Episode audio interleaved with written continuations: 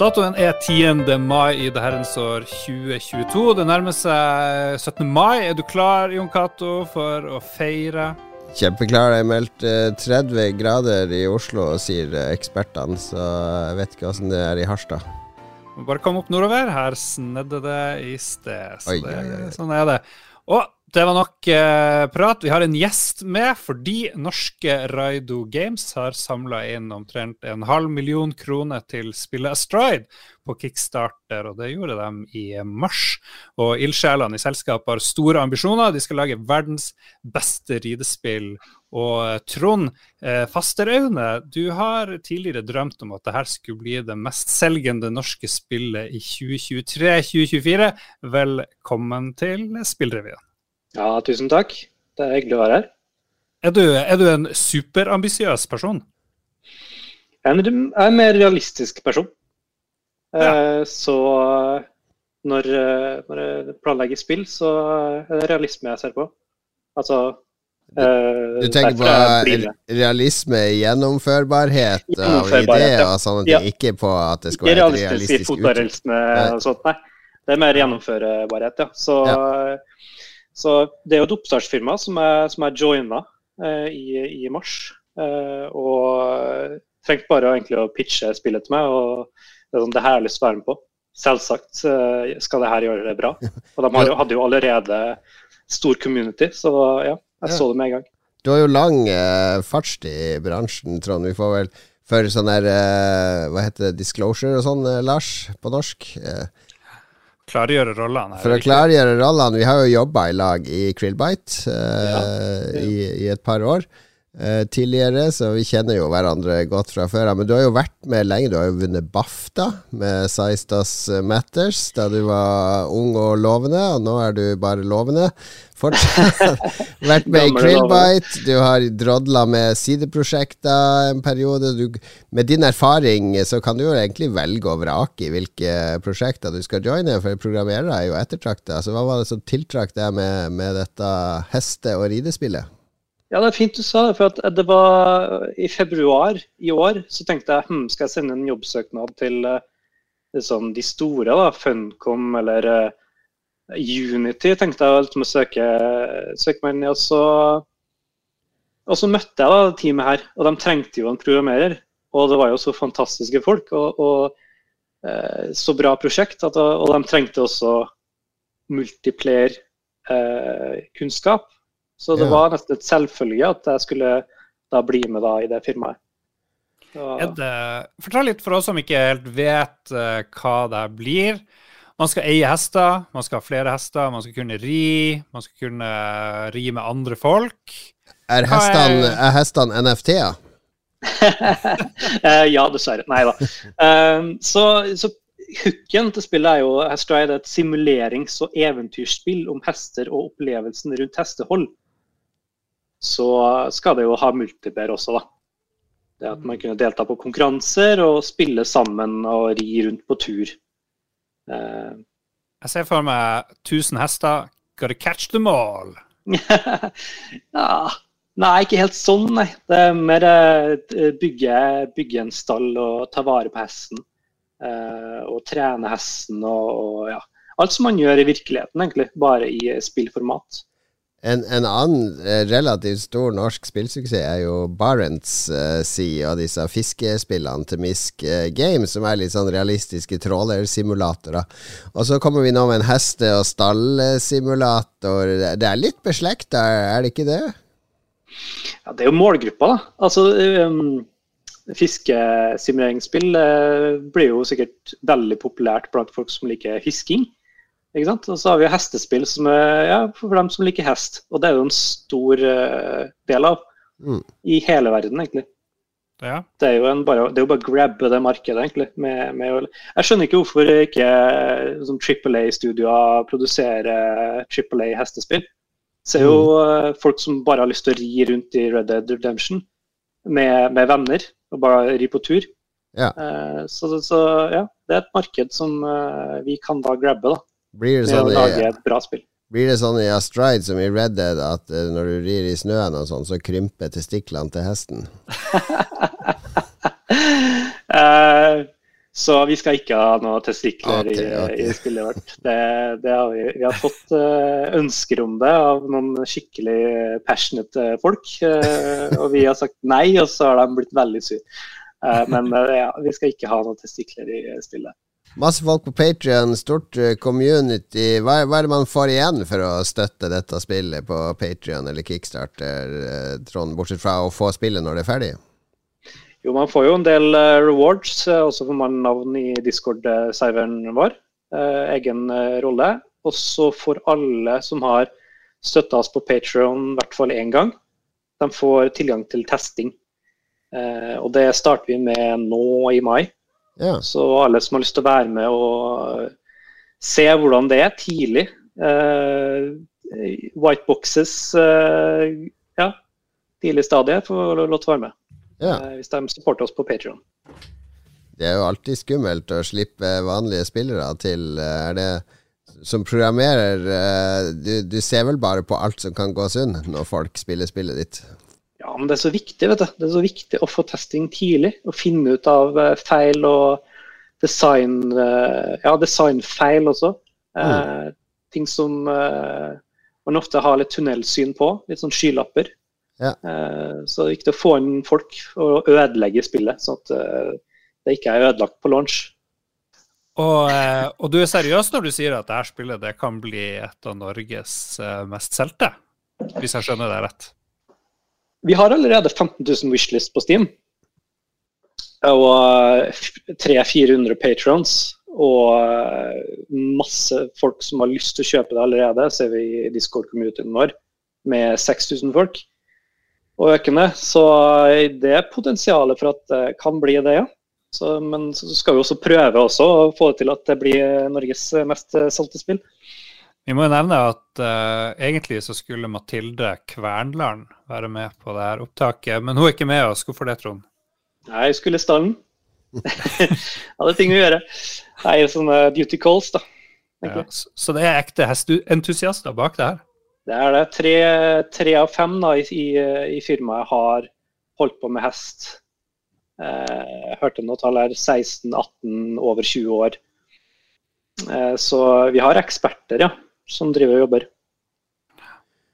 Hvordan er det med Nå er det vel spillet i full utvikling, for du snakker vel om 23-24 som mål, men hvordan er det med finansiering og alt sånt. Du er kanskje ikke involvert i det, men det må jo plana, bra med et community, men det må jo vokse enda mer. Spillet må jo bli kjent. Eh, det må jo inn, kanskje inn litt penger til å sluttføre det. Ja, vi var jo på NFI-pitch i dag for å, for å hente inn noe, noe penger der.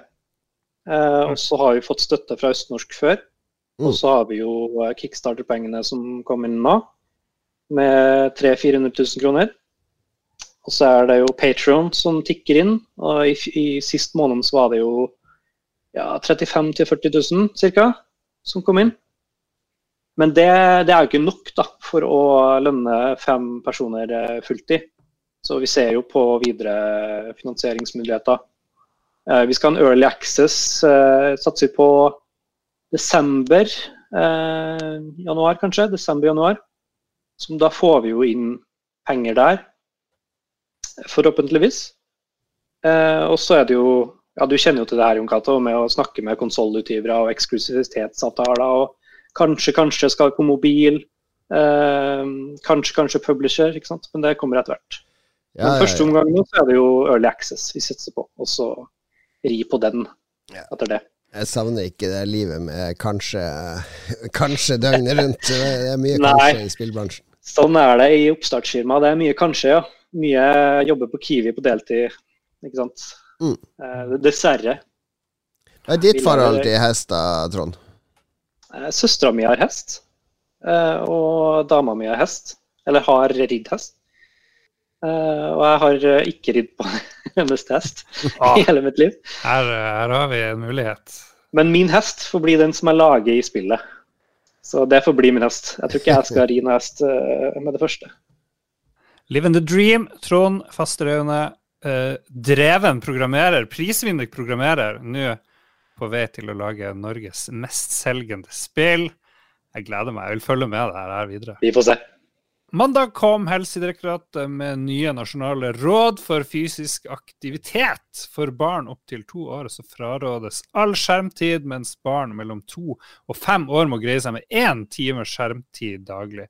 Ellers så anbefaler direktoratet at barn mellom ett og fem år har tre timer med fysisk aktivitet, som er opp fra én time om dagen. Og da tenker jeg jo, Cato, hva er skjermtid? For det tenker sikkert mange foreldre på her. Er eh, når ungen sitter og ser på YouTube, er det det samme som når barn sitter og koser seg med en Nintendo Switch, f.eks.? Det, det er jo ting jeg har lyst til å få svar på. Ja, jeg leste denne saken når den dukka opp på VG og Aftenposten via NTB. og sånn jeg forstår det, så er det jo først og fremst snakk om uh, passiv skjermtid. Altså når du bruker skjermbrettet for å passifisere ved å se på Baby Shark eller uh, bruke andre Det fins utrolig mye content for bitte små barn som bare er repeterende looper av musikk og litt barnesang og noen enkle animasjoner og sånn. Så det er jo mest snakk om passiv, fordi de, de i den VG-saken som var litt større, så hadde, skriver de også om ungdom. Eh, og der anbefaler de også ikke altfor mye passiv skjermtid. Men eh, da går jeg ut fra at aktiv skjermtid, sånn som gaming og ting der du engasjerer deg, bruker hjernen og interagerer, er en annen definisjon. Uten at jeg har sett selve grunnlaget for artikkelen. Ja. Derfor man begynner jo å lure. Og det, jeg tenker at det er jo Hvis ungen sitter uh, uansett hva han gjør, om det er å sitte hele dagen seks timer og spille Minecraft, som vi jo tenker er en sånn bra ting, eller om de sitter seks timer og bare ser på YouTube, så bør de jo komme seg ut uansett. Så jeg tenker alt med måte egentlig jo, bør jo være rådet for Ja da, men dette, dette, er jo for veldig unge barn, ikke sant. Opptil du er to år, det er ganske mye som skal utvikles i hjernen din av uh, koblingssystemer og andre ting. Og så er det masse motorikk som skal utvikles. Og hver time du ikke bruker på å utvikle hjernen din og motorikken, er på en måte bortkasta i så ung alder. Så jeg skjønner det godt, det er under to år. Og det er også det under fem år, at man eh, skal i utgangspunktet ikke passifisere seg så mye foran skjermen, men være aktiv for å lære om verden. Og det er en del undersøkelser på uh, F.eks. I, i, for 40 år siden så var det veldig vanlig for barn Barn hadde en mye mer aktiv fantasi. Uh, de lagde seg gjerne en fantasivenn. Uh, bamsene snakka med hverandre osv. Hvis du ser på barn i dag, så er det nesten ingen som har fantasivenn, fordi barn har mm. ofte ikke tid til å kjede seg. For det er når du kjeder deg, at fantasien utvikler seg i hjernen. Så ved å sitte barn foran skjerm hele tida, så, så, får du aldri utvikla fantasien deres. Skummelt. En annen ting jeg så, det var gamer.no som nevnte at uh, bare 30% av voksne får nok fysisk aktivitet. Det er ikke bare barn som blir sittende i ro. Nå er jo heldigvis våre hjerner utvikla, men da begynte jeg å tenke på skal vi gjøre som i Kina. Bør vi, eh, bør vi begrense? Der har de jo sånn der eh, du må skanne deg sjøl. Og hvis du har holdt på for lenge, så skrus maskinen av hvis du er barn. Jeg syns vi burde ha litt sånn for voksne òg. Hvis du er koblet mot BMI, du har en badevekt du må sitte og game på, og så blir du målt i tid, og hvis det går for lang tid, så må du ut. Må du jogge én mil før du får lov å spille videre. Sånn bør det være. Nei, Jeg tror ikke på noe sånt for voksne mennesker. Her må selvpreservasjon må jo kunne trumfe det. Eh, masse Altså, det går jo bare på latskap for det meste, og motiv manglende motivasjon osv. på å være aktiv. Vi håper på at Microsoft planlegger en streamingboks for Xbox Cloud Gaming. For ifølge nettstedet VentureBeat så vil selskapet lansere en enhet for strømming av Xcloud Gaming i løpet av det neste året. Nettstedet sier at enheten ser ut til å være en HDMI-pinne, eh, litt sånn som Google sin Chromecast. Eh, men også til eh, smart-TV, i hvert fall Samsung, så skal det komme en app. Så da kan du få game Fortnite. Det har jo blitt gratis, du trenger ikke engang abonnere på Xbox-tjenester. Kan du bare game det på hva som helst. Og det må jo være en sånn våt drøm for Xbox, som jo er litt sånn De skiter opp i hvor du er, de vil bare at du skal abonnere på Xbox GamePass. Ja, ja. Xbox er bare en tjeneste for Microsoft, det er jo ikke en konsoll. Og det henger på grep. altså Så snart nettet Hvis nettet er stabilt nok og raskt nok, og spillene er designa sånn, så funker det helt utmerket å spille de over uh, cloud gaming for folk flest. Det vil jo alltid være noen uh, som vår venn Mats og andre sånne der, uh, hardcore FPS-folk som merker hvis det er 10 millisekunder legg med en gang. Men folk flest vil det funke helt fint, og da oppnår jo Microsoft akkurat det de vil. For du kan jo se i en overført betydning. Tenk deg hvis Netflix opprinnelig ble lansert som en fysisk boks, en diger klump du skulle koble til TV-en din, altså med en egen fjernkontroll, så du kan velge filmer og se på Netflix. Og så ble det integrert i TV-en din. Du hadde jo aldri gått tilbake til å ha den der uh, fysiske boksen ved siden av. Og det er jo Nei. det Xbox og PlayStation er nå. Jeg, jeg, jeg, kjøper jo aldri plate til de. Det er jo bare en boks som jeg må skru på for å spille spill på TV-en min. Jeg hadde jo like godt spilt de på TV-en min så fremt kvaliteten hadde vært like god. Absolutt. Så det er jo på mange måter så er fysisk lagringsmedie er jo egentlig død, bortsett for entusiaster og de som har lyst til å ta vare på ting.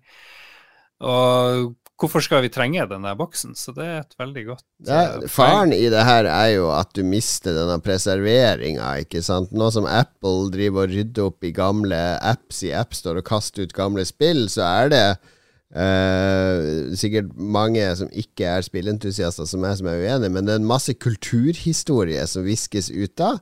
Uh, det er et, kultur, et kulturarkiv av, av spill som forsvinner fra, fra, Altså, tilgjengeligheten blir borte. Man kan ikke lenger gå tilbake og se.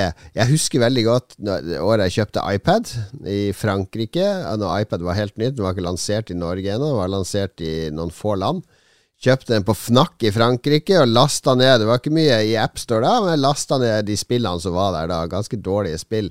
Men det var en del av ikke sant Eh, den lanseringa av iPaden, de første spillene, de første knøvlete utforskingen av eh, kontroll med skjerm osv. Alt det har en eh, spillteknisk og spillkulturhistorisk relevans og bør preserveres. Det er det. Jeg ser det kommer utrolig mye spill nå på uansett appstore du er på, enten det er på Apple eller om det er PlayStation 5 eller hvor du er. Masse små sånne rare spill. det er en overflod av spill, så det er nesten umulig Altså det er umulig å ha oversikt lenger. Det er veldig vanskelig oversikt, og veldig mange av de her spillene har jo ikke noe fysisk. Kommer aldri til å få noe fysisk eh, utgivelse. Så hvis du har en unge på 13 år som finner et av de her 1000 spillene, bare opphenger seg i det og syns det er jævlig kult, og så går det fem år, så kan det spillet være borte forever. Ja, det, vi, altså jeg har minner fra noen filmer jeg så på Harstad kino på uh, sent uh, 70-tall. Uh, da nærmer jeg meg ti år. Jeg gikk mye på kino. jeg så alt mulig rart. Og tyske barnefilmer og andre ting. En del filmer som jeg har vage minner fra, som jeg har prøvd å lete opp og funnet på YouTube eller andre steder Eh, preservert så jeg kan se dem. Men vi har en generasjon med barn og unge nå som vokser opp med eh, obskure apper og spill som de har spilt når de vokste opp. Og når de blir voksne, så kommer de til å huske dette spillet med denne hesten og den løva. Og hadde vært gøy å gjenbesøke det for nostalgien. Det kommer til å være umulig å gjenoppdage. Vi har et problem der uh, som uh noen, noen må gjøre noe, som det heter. Jon Cato. Ja, Nasjonalgalleriet må ta ansvar og preservere alt som er på AppStore, PlayStation Store, Xbox Store, Steam osv. Jeg regner med de tar beskjeden. Siste nytt er at utviklinga av Prince of Persia-remaken ikke har gått helt etter planen, og Ubisoft varsler at et nytt studio tar over. Egentlig så var det to indiske studio som eh, sto bak utviklinga, men nå eh, sendes ansvaret til Ubisoft Montreal, og spillet skulle egentlig komme i januar 2021, og nå er det ingen som vet når det kommer. Det første jeg tenker, ja, kanskje vi trenger en Prince of Persia-remake? Jeg vet ikke, hvor er du der? er ikke Prince of Persia bare uh, Assassin's Creed i Han skifta klær? Litt ja. mer sånn uh, Er ikke det et samme spill, omtrent? Jeg vet ikke, jeg, jeg sliter med å huske noen andre Prins og Ferse-spill enn de der første jeg spilte på Amiga PC. Og så husker jeg jo at det kom noe med Jeg husker sånn det aller første til Jordan Mechner. Der finnes det en kul bok om hvordan det spillet ble til, og det hadde de veldig kule animasjonene. Det var skikkelig sånn realistiske 2D-animasjoner av den figuren som hoppa og slåss. Rotoscoping heter det. Ja, Du det er filmer noen, og så tegner du det inn på dataen. Mm. Og så var det en revival av det på starten av 2000-tallet, når Ubisoft uh, reviva serien med Prince of Persia Sands of Time, der de introduserte en sånn genial spoletida tilbake-mekanikk. Ja, ja, det er vel det folk husker. Og Ja. etter det, vet ikke, kom en film, var veldig dårlig, osv. Eh, kanskje det blir bra spill, kanskje ikke. Det ser jo veldig dårlig ut akkurat nå, da. Men eh, vi kan jo dra det litt videre. Siste Ubisoft-nytt, eh, siste jeg har lagt merke til, er at de har åpna eh, etter å ha kjempa innbitt mot å bli kjøpt opp av Activision Blizzard, eh, eller noe sånt, hvis jeg husker Mhm. rett. Så familien eh, drev og Det er jo eid av en familie, stort sett. De ville beholde alt sjøl. Nå går det kanskje ikke så bra. Nå er de åpne for å bli kjøpt opp igjen. Ja, sånn det, De ser vel at at eh, Nei, jeg så en sånn oversikt over uh, disse store selskapene. Skal vi se om jeg finner den. Embracer Games er jo helt klart uh, størst nå, altså. Uh, når det gjelder antall studio i hatten. Embracer Group, Embracer eid Group. i Sverige hovedsakelig. Mm -hmm. ser du den? Der, ja. Ja. Oi. Ja, der ser du Embracer Group etter høyre der. Det er alle studioene deres. Så ser du EA, det er en sånn lite pizzastykke nede der. Tencent. Sony har det veldig lite. Nesten ingenting. Ubisoft har bare en sinnssykt masse. Ubisoft Australia, Ubisoft eh, Quebec, Ubisoft Paris, Ubisoft Milan. Ja, en er latterlig mengde Ubisoft-studioer overalt. Og så har du Microsoft, som eh, ikke er så stor. De- Take Two har en hel haug med Rockstar-studio, men det er Embracer Group som, som bare har spist seg inn i denne pizzaen. Uh, vi, vi skal putte denne plansjen på Hvis du går på vår Twitter, spiller vi en eh, Twitter, så kan du få se denne plansjen. Du, den er litt artig. En visuell uh, En visualisering av hvor spillstudioer hører hjemme. Nei, det er artig å se hvor mange de har. Nå er det jo ikke det samme å ha mange spillstudio som å tjene absolutt alle pengene eller være rikest, men eh, ja. Nei, Ubisoft er nok ute altså de, Selv om de har veldig mange studioer der, de har jo IPA. Og så Ubisoft har jo egentlig kjørt seg fast. Tenk på eh, hva de har lova for noen år siden. Beyond Good and Evil 2. De har et sånn her naturspill med han Michel Ancel som har slutta nå. Eh, de, de har en masse sånne eh, eksperimentelle ting de har lova, som ikke blir noe av. I stedet så er det Assassin's Creed, det er et sjørøverspill på vei. Det er Jeg vet ikke, jeg føler Ubisoft mister relevans for hvert år som går nå. Har du sett på noen spill som er på vei eh, denne uka, Jon Cato? Jeg ser nå på lista her eh, Ja, Det eneste jeg har bitt meg merke i, er Salt and Sacrifice, som skal komme på PC og PlayStation 10. mai. Og det er uh, laga av uh, Ska Studios, uh, og en oppfølger til uh, eh, Salt and Sanctuary. Ja, det spilte jeg. Ja, og det er eh, veldig sånn Dark Souls-inspirert eh, 2D-spill, var i hvert fall det forrige. Jeg tror det her er også 2D, og ser eh, ganske smashing ut. Så er du ferdig med Elden Ring, så kan jo dette være litt sånn der eh, En litt sånn eh, dessert etter Elden Ring, kanskje. Evil Dead The Game kommer 13. mai. Aner ikke om det er bra eller ikke, men vi elsker jo eh, Evil Dead, da. Universet. Ja da, ja da. Og gamle Evil Dead-regissøren Sam Ramy har jo en uh, aktuell film på kino òg nå, det vet du sikkert. Det er, vet jeg ikke i det hele tatt. Det er han som har regissert Doctor Strange, eh, den der ah, Ja. Multiverse Madness. har du tenkt over det? Ganske bra at han, han Strange ble doktor, for Mr. Strange det hadde liksom ikke vært like kul Kul navn på en superhelt. Han Mr. Strange. Ja, bussjåfør Strange. All right, du røyner det på her i Ja, vi er over i Lolbua-modus, jeg tror vi, må, vi må bare avslutte her før det blir Ja. eh, helt useriøst. Hvis dere vil høre useriøse ting, hør Lolbua hver onsdag. Hør Ragequit kommer ca. annenhver fredag. Hør Likos univers med Gjedda som kommer med ujevne mellomrom. Vi høres om en uke. Ha det bra. Hei da!